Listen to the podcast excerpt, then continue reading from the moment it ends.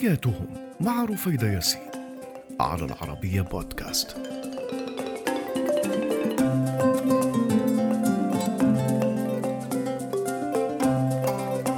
مرحبا.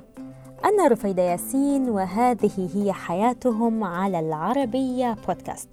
واليوم رحلة جديدة إلى القارة السمراء وتحديدا في غرب أفريقيا نتعرف سويا على عادات جديدة وقبائل غريبة وعجيبة. في برنامج حياتهم.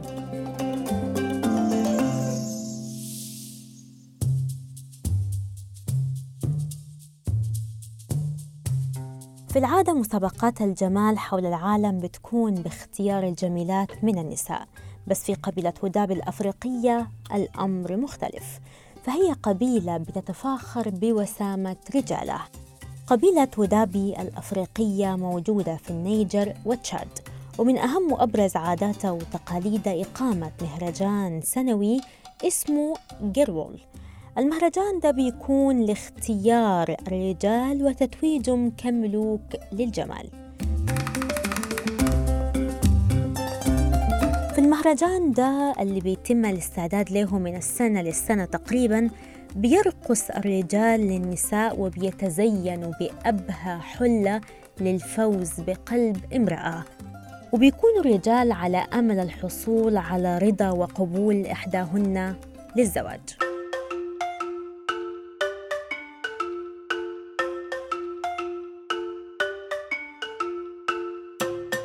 بيظهر رجال القبيلة في أبهى حلة وأجمل مظهر وبيمضوا عادة ساعات طويلة في تجهيز نفسهم للمهرجان عشان يظهروا بمظهر لائق.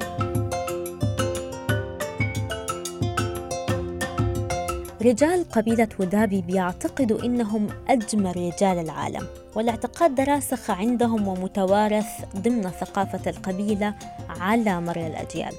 وده كان سبب كافي جدا لأنه يجعل رجال القبيلة بيقضوا ساعات طويلة أمام المرآة للتأمل في جمالهم وللتأكد من زينتهم ومن هندامهم.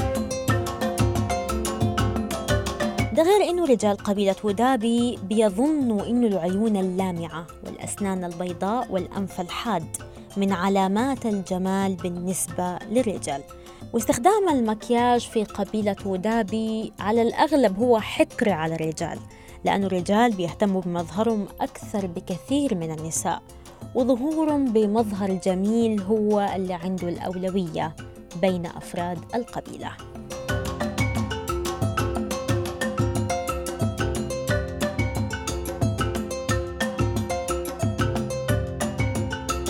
قبيلة ودابي معروفة أيضا باسم بورورو وبيرجع أصلها لعرقية قبائل الفولاني المعروفة في غرب أفريقيا وهي إحدى القبائل الرحل اللي بيقدر عددها بالملايين بيتوزعوا على عدد من دول غرب أفريقيا بس العدد الأكبر منهم موجود في النيجر وتشاد.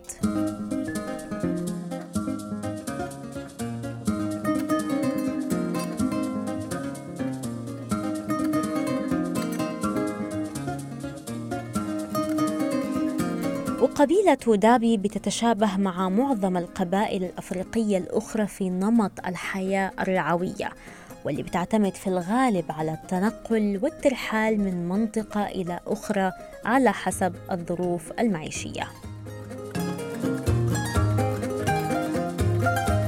بالنسبة للغة التفاهم بين أفراد القبيلة فاللغة المستخدمة بتسمى بفولا وهي لغة غير مكتوبة ولكن بتبقى مستمرة بتوارثها عبر الأجيال وهي لغة التواصل الرئيسية بين الأفراد داخل القبيلة.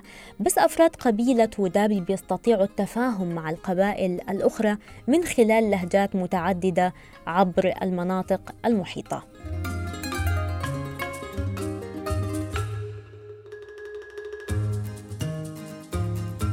أفراد قبيلة ودابي بيقدروا يتعاملوا مع القبائل الأخرى في المناطق المحيطة عبر لهجات محلية مختلفة. شعب ودابي بيشتهر بفن النسيج اليدوي التراثي المحلي واللي بتصنعه النساء وبتمضي ساعات طويلة في تصنيعه.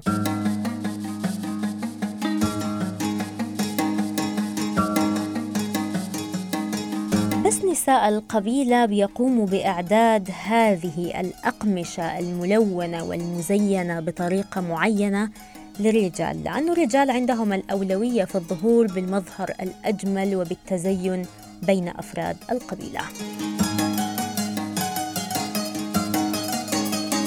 قبيلة دابي عندها نمط حياة مختلف. هي بتعيش في بيوت تقليدية بتتكون من أكواخ خشبية. وفي عدد من أفراد القبيلة اعتادوا إنهم يعيشوا في خيام متنقلة قابلة للطي بسبب أسلوب حياتهم اللي بيعتمد في الغالب على الترحال. وبتبقى دي الطريقة العملية الأنسب والأفضل للمتنقلين من أفراد القبيلة.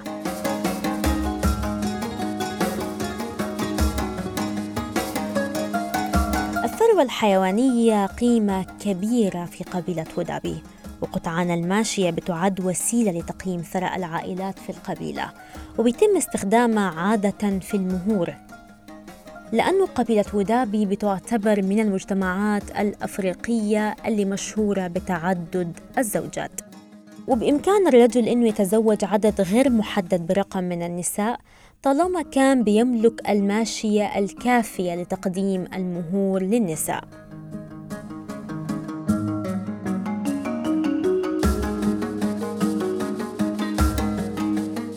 من حق الفتاة في قبيلة ودابي إنها ترفض الرجل إذا لم يعجبه. إذا لم يستطيع الرجل إنه يلفت نظره بجماله وسامته وزينته بيتم رفضه مباشرة. وقيمة الرجل في قبيلة ودابي مرتبطة بما يملك من رؤوس الماشية. يعني الرجل إذا فقد مثلا قطعان الماشية اللي بيمتلكها من حق زوجاته طلب الطلاق ومن حقهم أيضا إنهم يهجروه.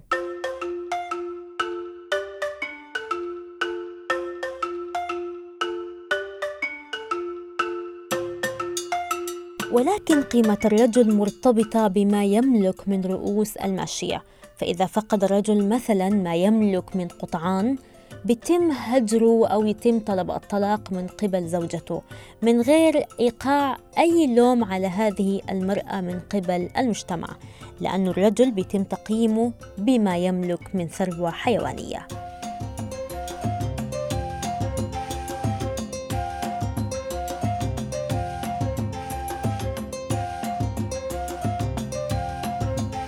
الرجل في قبيلة ودابي بينتقل من مرحلة الصبا إلى الرجولة في سن 15 سنة تقريبا. وبيتم تسميته وقتها فقط بأنه رجل وبيتم التعامل معه على أنه إنسان مسؤول وبإمكانه أن يبدأ في يلفت نظر الفتيات وبإمكانه أن يتقدم للفتيات للزواج. لكن بشرط إنه على الرجل عند البلوغ تقديم قربان أو تضحية بمناسبة بلوغه. وفي الوقت ده بيبتدي الشاب في الاهتمام بنفسه وبمظهره لجذب النساء ولإرضائهم. أما القربان فبيكون بذبح بقرة أو أي نوع من أنواع الماشية الأخرى للاعتراف برجولته.